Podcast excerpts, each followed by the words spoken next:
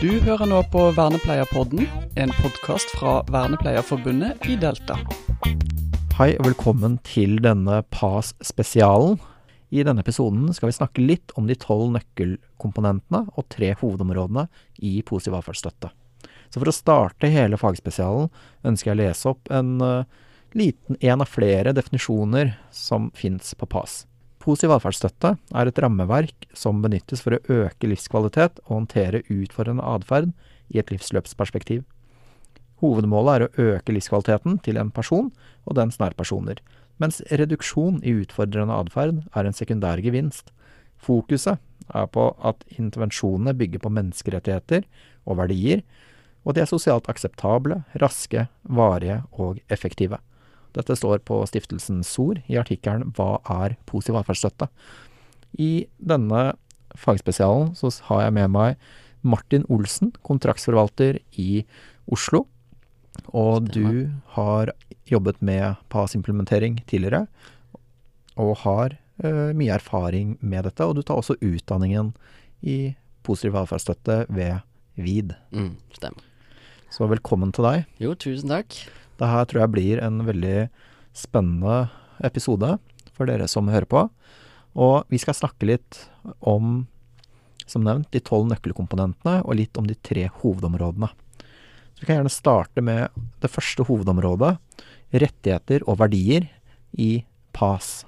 Ja, og i rettighetene og verdiene i PAS så legger man jo til grunn eh, CRPD den er jo utvikla fordi at man har, eh, man har jo sett at det er en del eh, Altså, i samfunnet så er det jo en del grupper som man har sett at eh, menneskerettighetene ikke er godt nok ivaretatt. Eh, og da eh, har man jo utarbeida nå en eh, En konvensjon for mennesker med nedsatt funksjonsevne. Mm. Mm. Men i hvert fall PAS tar utgangspunkt i da denne konvensjonen for personer med nedsatt funksjonsevne. Mm. Og, og, i tillegg der så har vi jo verdier. Eh, de skal jo, de, man skal jo jobbe ut ifra de verdiene som er til personen, da. Mm. Ja. Det er jo det som på en måte er hele utgangspunktet for par, så man skal jobbe for å eh, fremme livskvaliteten til den enkelte. Mm. Ja. Og ofte så ses jo PAS på som et ekteskap mellom verdier og vitenskap, mm. der verdiene er det styrende. Mm det som er, det er jo at livskvalitet ofte Det kan jo være et litt sånn der abstrakt ord, egentlig. Mm. Eh, det er ikke så lett å vite Altså, man kan si at man skal jobbe for god livskvalitet, men, eh, men eh, livskvalitet i seg sjøl kan være litt vanskelig å definere. Og da har man jo tatt i bruk, eller i PAS, da, så refererer man ofte til det optimale livshjulet. Eh, og det vil jeg jo absolutt anbefale folk å, å lese seg litt opp på, eh, og bruke som et utgangspunkt i tjenesten, egentlig. For det beskriver bl.a. Eh, viktige elementer som vi skal gå gjennom i dag i positiv atferdsstøtte. Mm. Ja. Supert. Mm.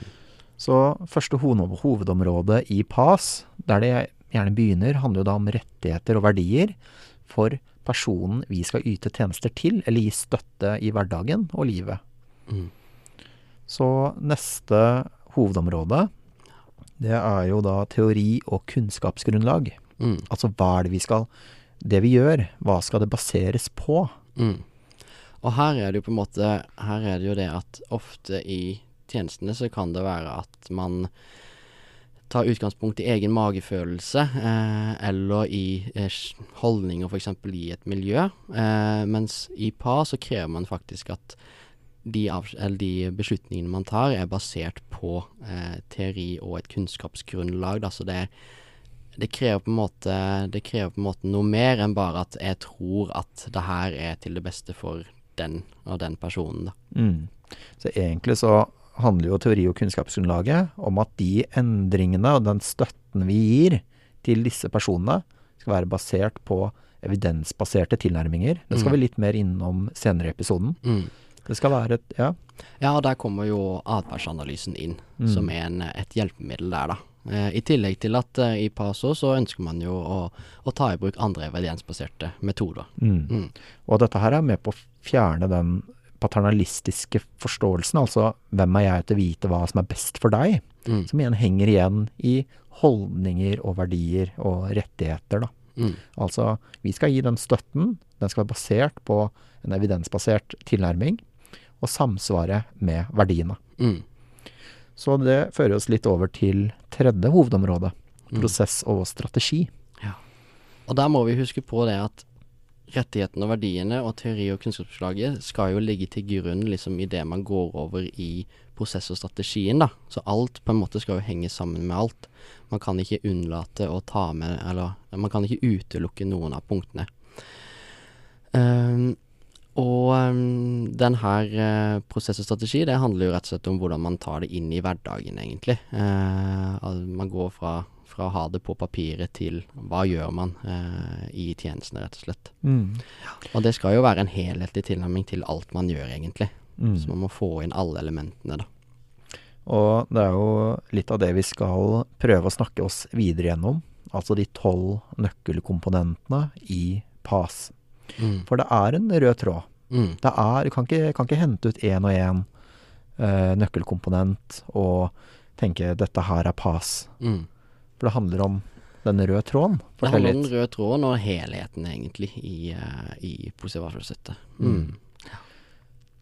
Så da tenker jeg vi egentlig begynner på nøkkelkomponent én. Mm. Det heter et personfokusert fundament. Mm. Og her igjen så eh, Vi nevnte det jo så vidt innledningsvis, men, eh, men her er jo Her står jo liksom eh, Altså CRPD på en måte belyser noe av de utfordringene egentlig som er i samfunnet i dag, da.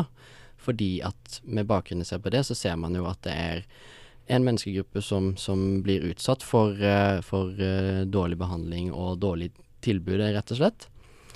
Em, og um, der òg belyses det jo det at, eh, at man ofte overser, eller man tar ikke hensyn til de ønskene eh, som personen det gjelder, faktisk har, da.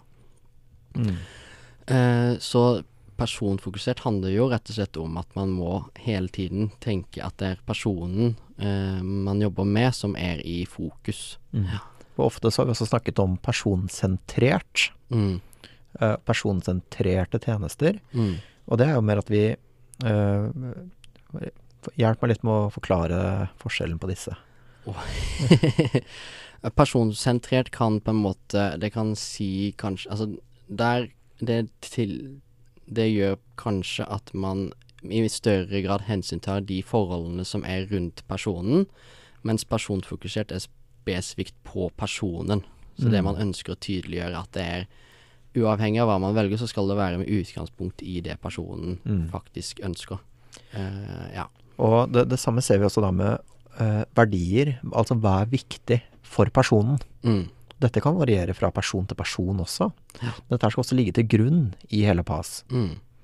Og det man ser, det er jo at uh, altså de personene vi jobber med, de har jo akkurat de samme interessene og ønskene og verdiene som alle andre har. Mm. Eh, så det som er viktig, det er jo at vi må jo stille oss vi, Og vi må jo egentlig bare stille de spørsmålene til de personene vi jobber med, da. Altså hva er viktig for deg i livet? Hva vil du lære? Hva er det du drømmer om? Alle de grunnleggende tingene må vi ivareta på best mulig måte, da. Mm. Og eh, Linn Løvli Slette eh, hadde jo sammen med eh, Grete fra Redd Barna et eh, prosjekt som het Vi har også en stemme. Mm. Der tok de jo og hadde en eh, liten workshop eh, der de undersøkte akkurat det du nevner. Mm. Som du sier, det viser at alle mennesker har ulike drømmer, Mm. ulike mål og ønsker for eget liv. Ja. Så dette her handler igjen om det personfokuserte. Vi må spørre eh, personen, Mm. eh, og som vi kommer videre innom, nøkkelpersoner rundt personen. Mm. Hva er viktig for deg, og hvordan kan vi tilrettelegge omgivelser og gi den støtten personen er i et behov av, for at de skal leve et liv i tråd med egne verdier, ønsker og behov. Mm. Og da begynner vi å bevege oss inn på nøkkelkomponent to. Ja. Nøkkelkomponent to myndiggjørende og utviklende praksis. Mm. Og her er det jo Her syns jeg det er nyttig, da, egentlig å belyse eh, noe av eh, de utfordringene som vi står i, ved å bruke den relasjonelle modellen. For den sier jo noe om det gapet da, som er mellom individet og samfunnet. Mm. Og at vi må på en måte hele tiden jobbe for å være bevisst på å tette det gapet for å skape best mulig livskvalitet for den enkelte, da. Mm. Og når vi snakker om den, den relasjonelle modellen, så snakker vi også om det gapmodellen. Og som nevner det gapet, altså personens eh, forutsetninger og ferdigheter opp mot samfunnet og omgivelsene sine krav og forventninger. Mm. Så egentlig så ser vi på eh, eh, individet og omgivelsene Mm. sammen. Mm. Hvordan kan vi styrke opp individet på noen forutsetninger i tråd med deres verdier, ønsker og behov for eget liv, og omgivelsene? Hvordan kan vi bygge ned de barrierene som opprettholder en eh, definert funksjonsnedsettelse, da? Mm.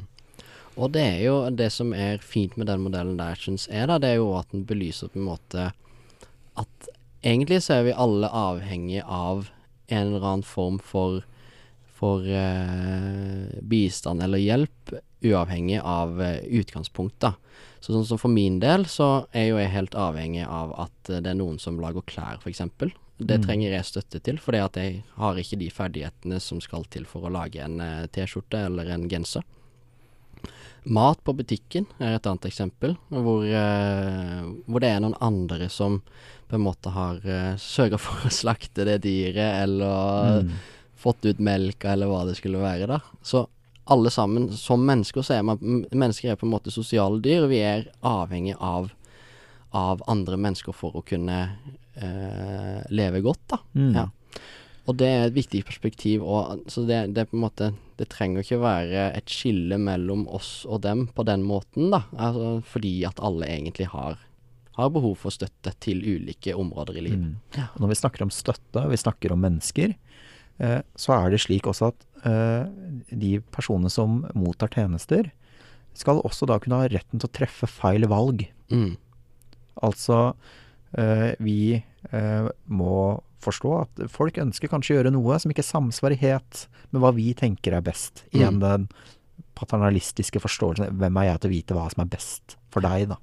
Er det noe jeg tenker fader, dette her hadde ikke jeg gjort? Mm. De minnene, holdninger og verdier skal ikke da legge føringer for hva personen skal gjøre, eventuelt ikke gjøre. Mm. Og dette begynner å snakke litt mer om beslutningsstøtte. Mm. Altså enhver prosess som eh, realiserer selvbestemmelse, da. Mm. Man kan si, se på det som. Mm. Uh, og dette er egentlig da viktige, viktige begreper i nøkkelkomponent to, altså det med myndiggjørende Mm. og utviklende praksis for personen. Og dette skal da være i samsvar med personen, ikke den ansatte, eller i mitt tilfelle meg, mine verdier, Mm. holdninger og erfaringer eventuelt. Dette skal være i samsvar med personen det gjelder, Mm. sine verdier, holdninger Mm. og ønsker eget liv. Og det er jo altså litt, litt sånn uh, med CRPD, og så belyser det på en måte blant annet at uh, mennesker med utviklingshemming ikke nødvendigvis får velge stedene de vil bo, blant annet. Og da kan man jo tenke selv da at uh, eh, rundt et Altså det er mange utfordringer rundt et bosted. Det er mange spørsmål som man ville ha fått svar på før man eventuelt tar et valg om jeg skal bo på på Sørlandet eller på Østlandet, eller om jeg skal bo i den, på den kanten av byen eller den kanten av byen. Mm. Eller om det er eh, 28 kvadrat og arealeffektivt, som det ofte er.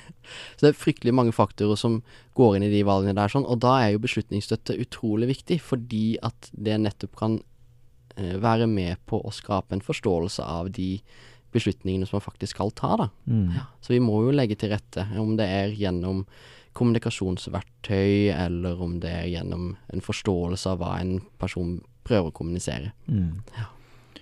Så uh, dette fører oss også over da til uh, nøkkelkomponent tre.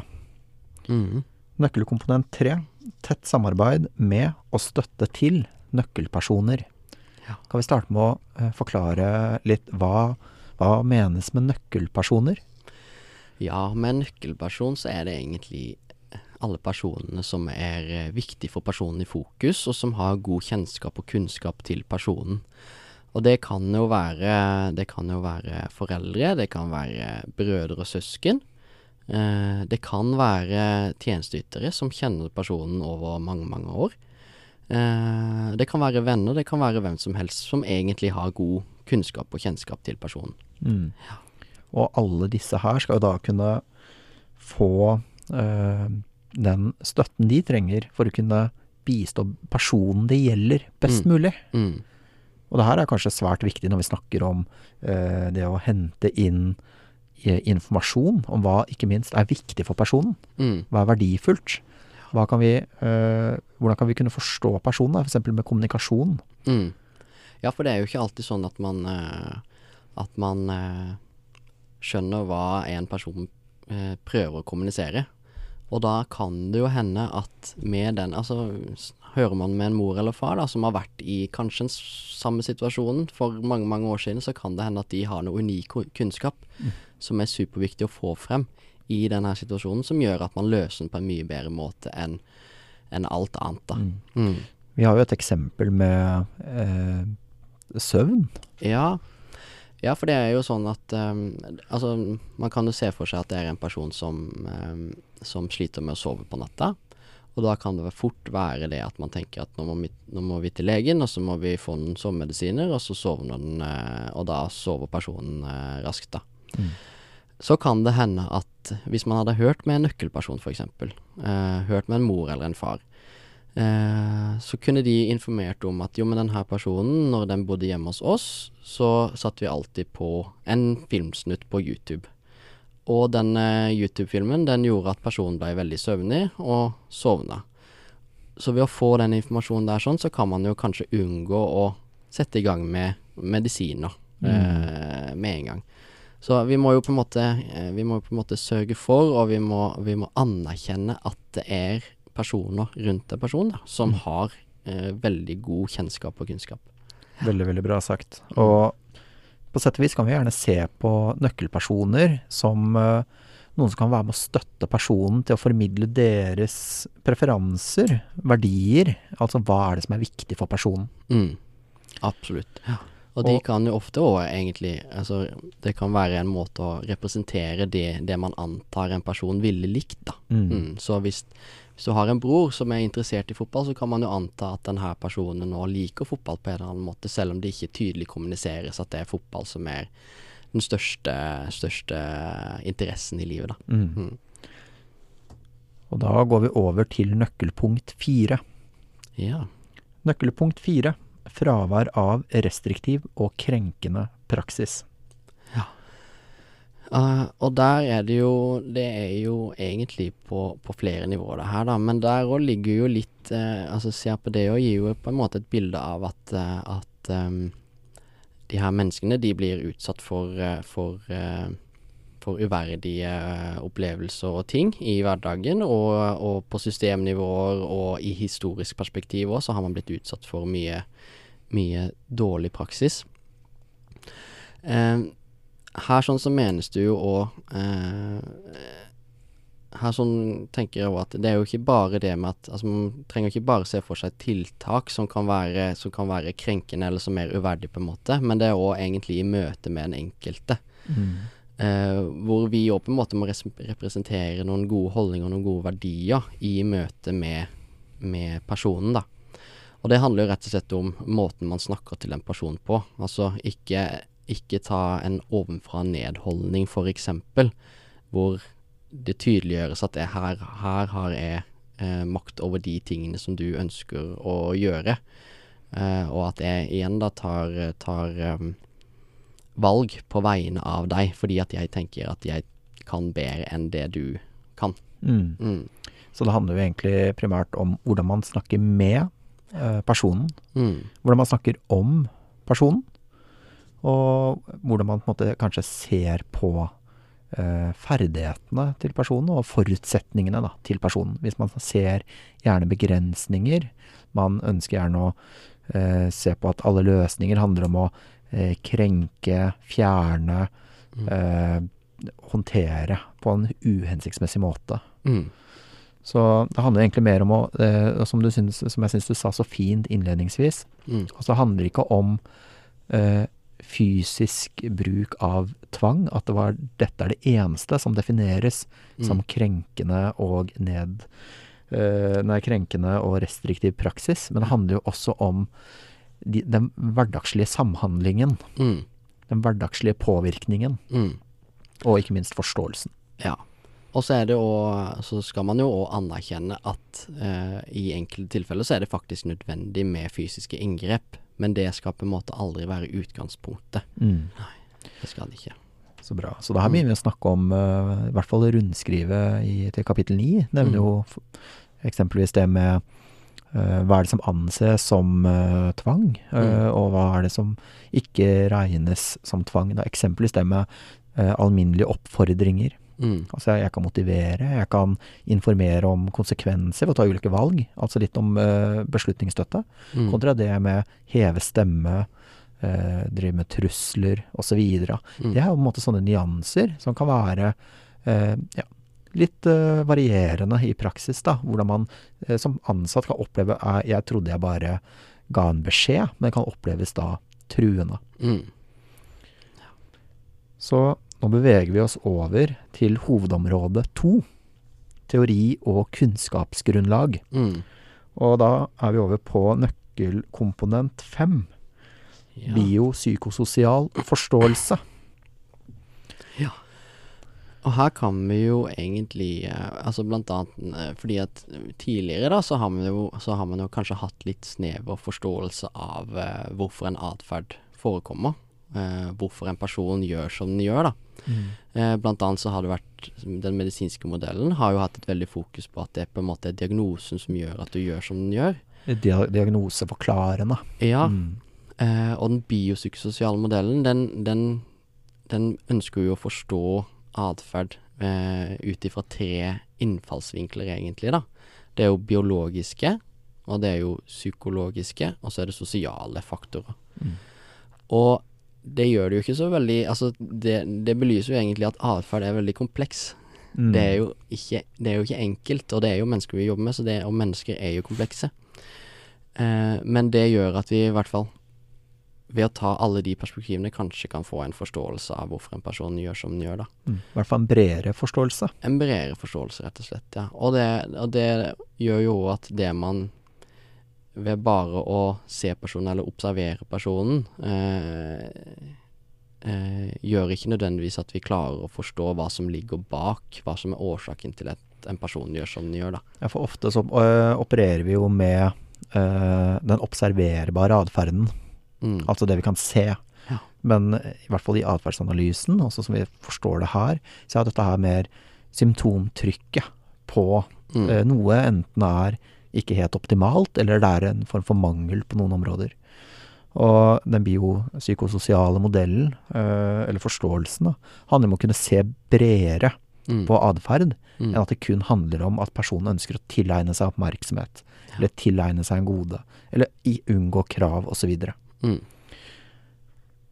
Og nå beveger vi oss over til nøkkelkomponent seks, som handler om atferdsvitenskapelig tilnærming. Mm. Og det er jo litt av det som er kjernen i hovedområdet, teori og kunnskapsgrunnlag. Mm. Altså at det baserer seg på atferdsanalytiske prinsipper, da. Mm. Ja. ja, fordi at uh, atferdsanalysen er jo viktig i positiv atferdsstøtte. Og det er jo rett og slett fordi at gjennom atferdsanalysen så kan vi kan vi på en måte Det kan gjøre at vi forstår en atferd. Det gjør at vi kan eh, forklare en atferd.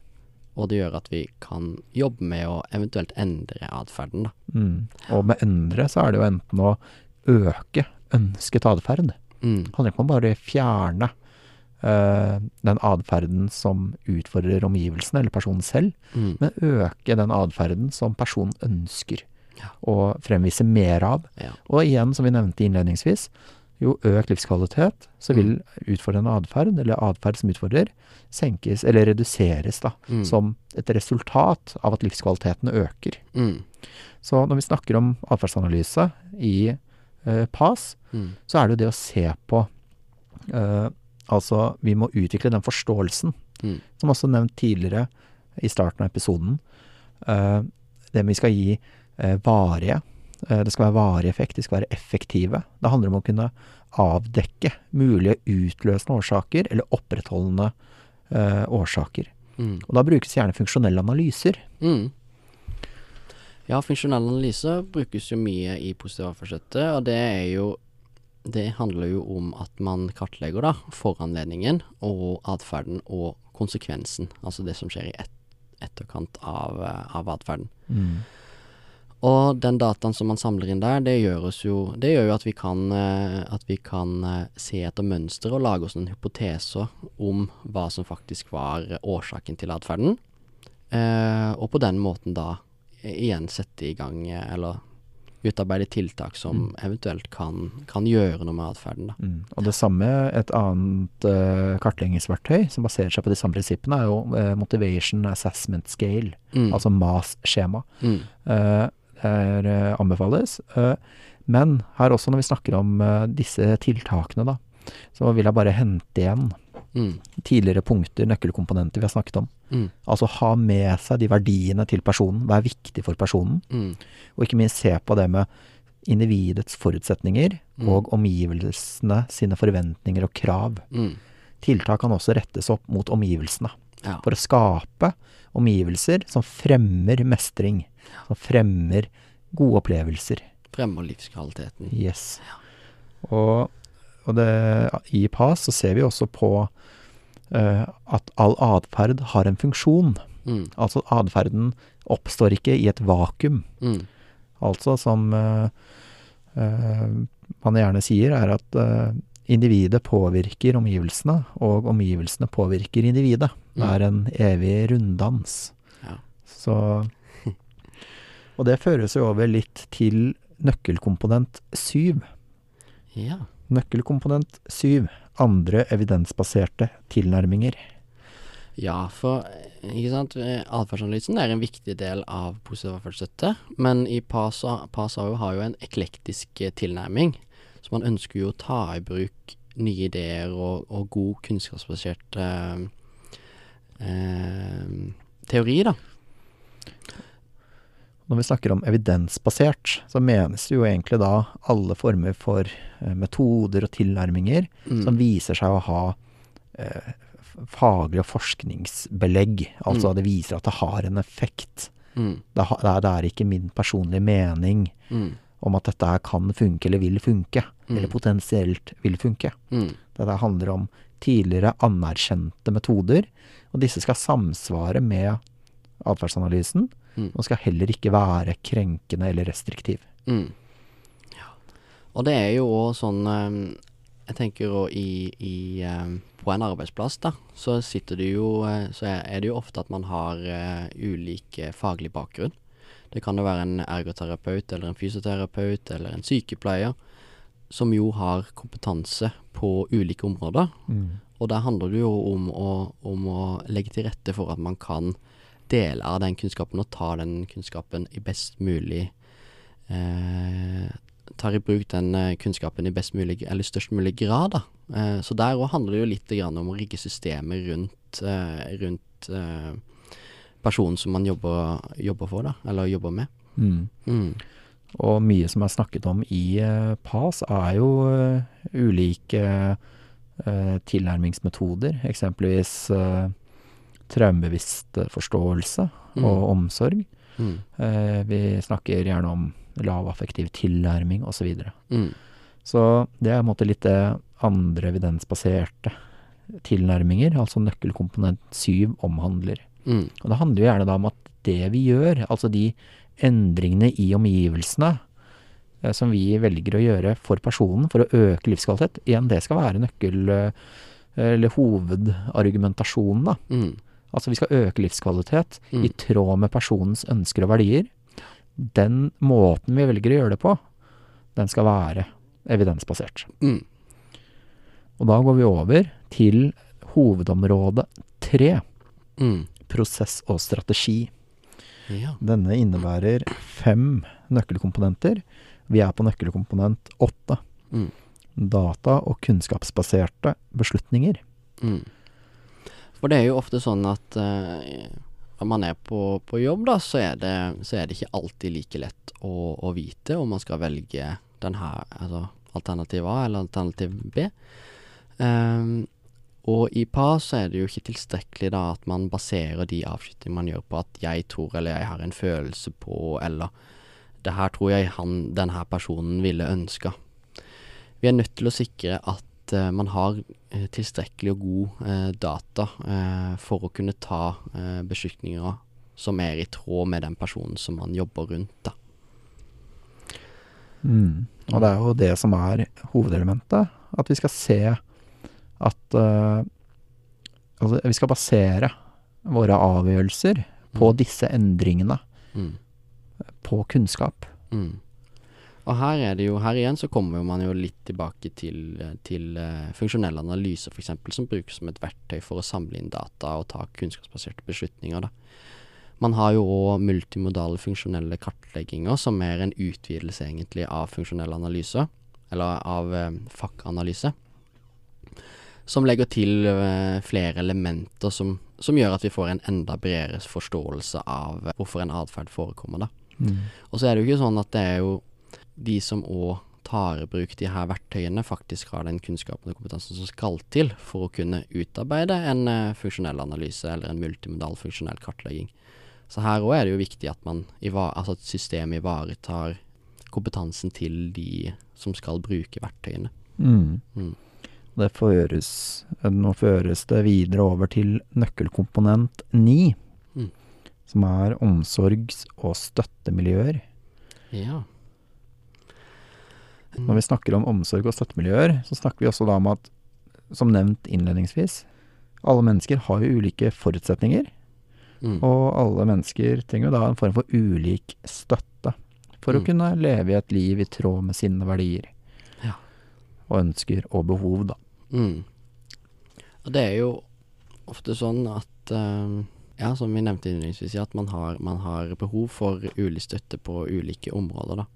Og her er jo Her er det jo på en måte å legge til rette for kommunikasjon, blant annet, er jo superviktig. Eh, fordi at eh, det er jo mange som har ulike former for kommunikasjonshjelpemidler, eller man har tegn til tale, man har eh, øyepeketavler og Eh, og da er det jo viktig at eh, miljøet legger til rette for at man kan anvende de kommunikasjonsformene som er viktige for personen, da. Så når vi snakker om uh, omsorgs- og støttemiljøer, så handler det også mye om det personfokuserte. Mm. Hva er det personen trenger? Hvordan kan vi tilrettelegge omgivelsene Mm. for å øke denne livskvaliteten for Mm. den enkelte?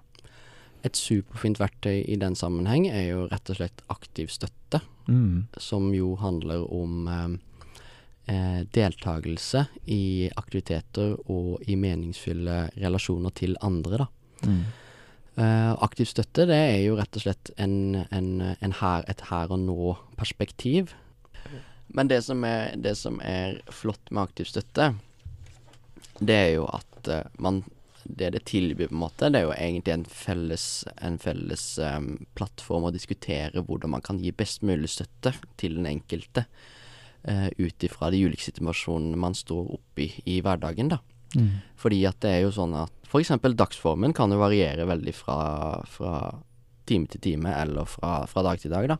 Så i én situasjon så kan det være nødvendig at man eh, at bistår en del med å ta på jakke, f.eks. Mens, eh, mens eh, man, når man er mer, mer til stede, så kan det hende at det er tilstrekkelig at man peker på jakken, og personen tar jakken selv, da.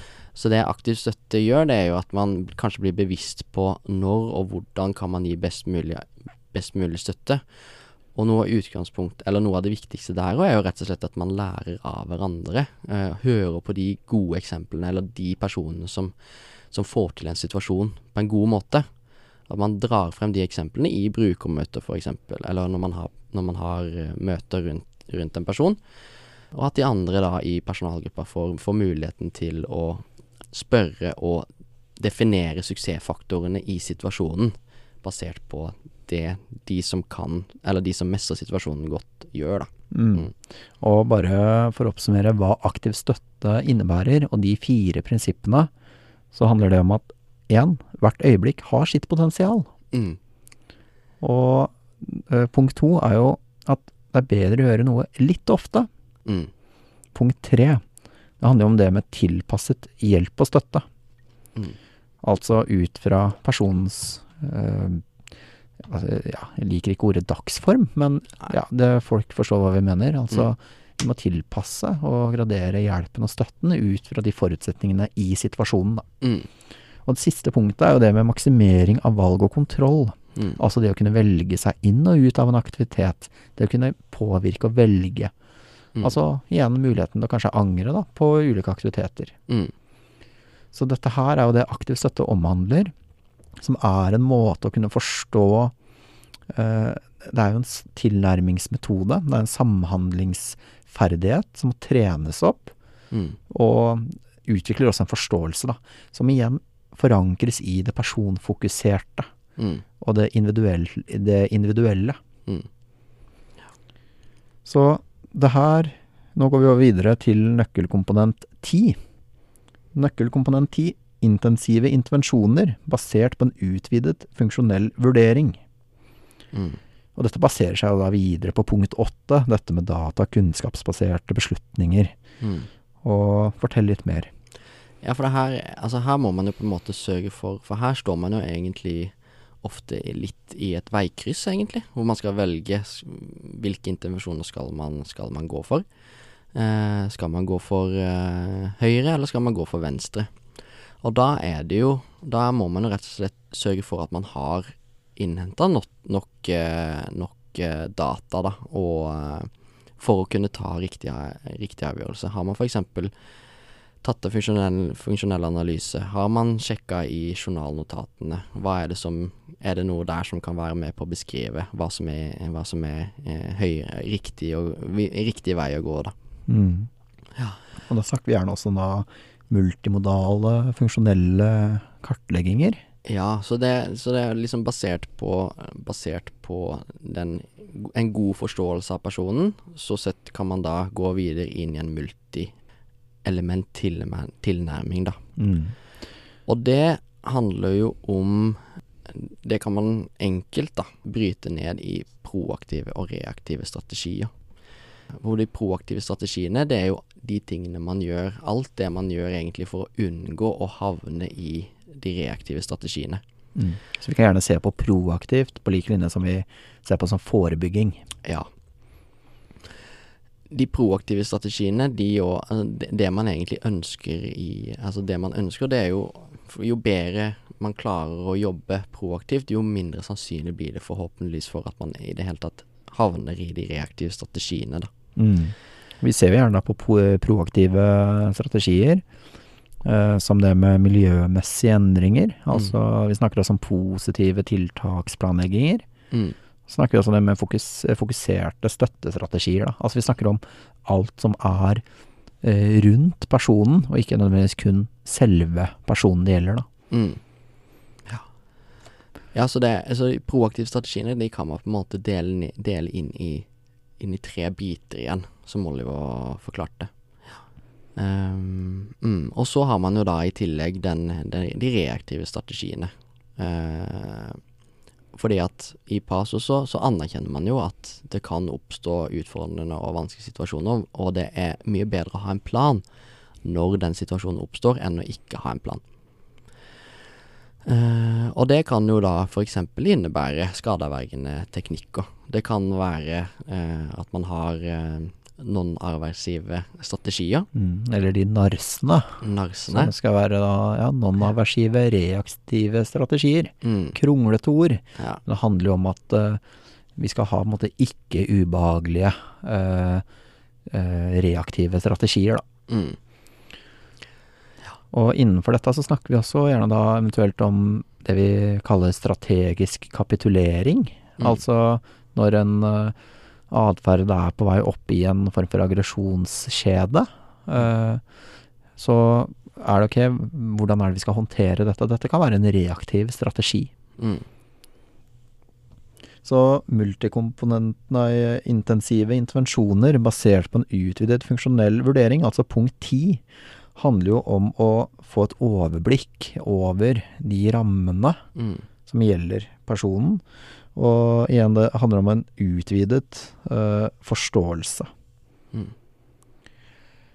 Så dette her er, samsvarer også mye med, da, med punkt 11, dette med multikomponente, multikomponente individuelle støtteplaner. Mm. Vi har altså da snakket mye om det med uh, reaktive og proaktive strategier, og gjennom en utvidet uh, forståelse, da. Mm. Så det handler jo om å knytte disse tidligere nøkkelkomponentene sammen, gjerne Mm. med det personfokuserte, verdier, det med nøkkelpersoner, ikke minst, Mm.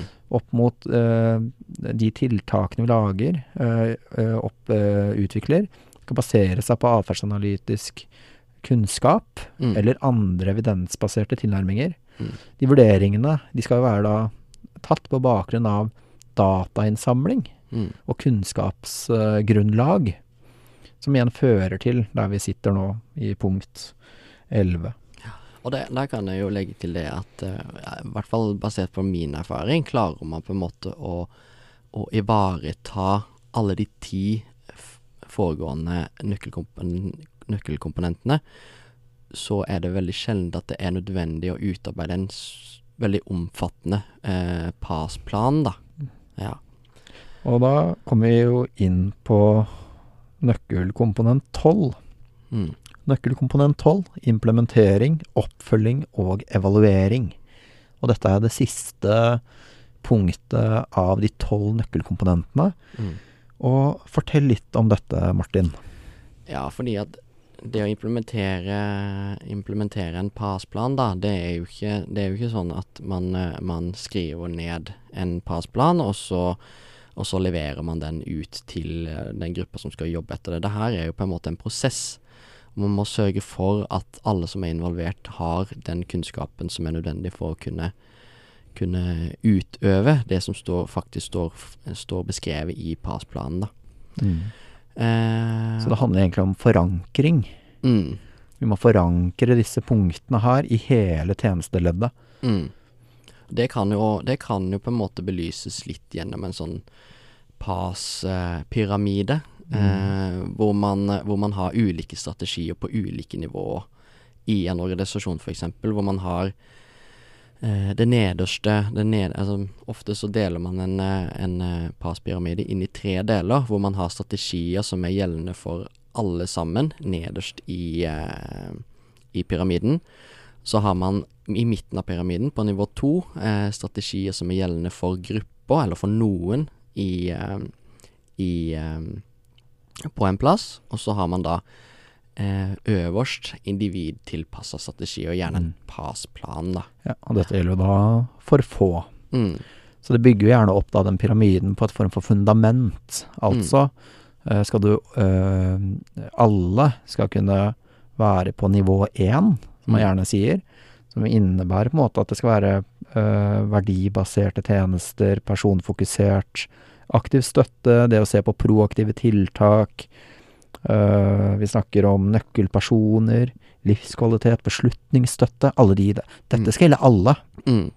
Og så er det kanskje for noen der vi må ha litt mer tilpassa justeringer i eh, deres eh, miljø og Mm. omgivelser. Mm. Da snakker vi gjerne om eh, individuelle strategier. Vi snakker kanskje om spell, Mm. ekstern veiledning og funksjonell kartlegging osv. Mm. Uh, og nivå tre, så snakker vi da om den PAS-planen, da. Mm. Der vi må eh, ordentlig inn og se på de eh, miljøbetingelsene som er i, i de, denne personens liv, da. Mm. Og så har man jo det med at uh, en viktig del av PAS, det er nettopp det at det skal være evidensbasert, da. Så, og, det er, og det må man jo òg på en måte tenke på e- egentlig gjennom hele, hele prosessen. Uh, man, må, man må samle inn data underveis når man setter i gang et tiltak. Så er det viktig at man ser på effekten av tiltakene. Og ikke bare overfor den personen det de gjelder, men man må òg evaluere eh, ut ifra de, de personene, altså nøkkelpersonene rundt. Og det igjen, det kan jo være foreldre. Har de, fått, har de økt livskvalitet basert på de tingene som man har satt i gang? Man må se på, på um, eh, tjenesteytere f.eks. og se på har de bedre forutsetninger nå, eller har de de forutsetningene som skal til for å kunne ivareta denne personen. Så man må tenke og kartlegginger og evalueringer da i et helhetsperspektiv. Mm. Mm. Det er eh, godt oppsummert og godt forklart dette rammeverket, eller fag- og rammeverket positiv atferdsstøtte. Mm. Og det er jo mange organisasjoner, mange kommuner, som har begynt med implementering av eh, positiv atferdsstøtte. Mm. Det er mange som planlegger å begynne med det. Og i løpet av de nærmeste årene regner jeg med at eh, mange flere av kommuner og organisasjoner kommer til å ja, undersøke PAS nærmere, da. Mm. Så dette her var en, eh, vi kan si, kjapp gjennomgang. Ja.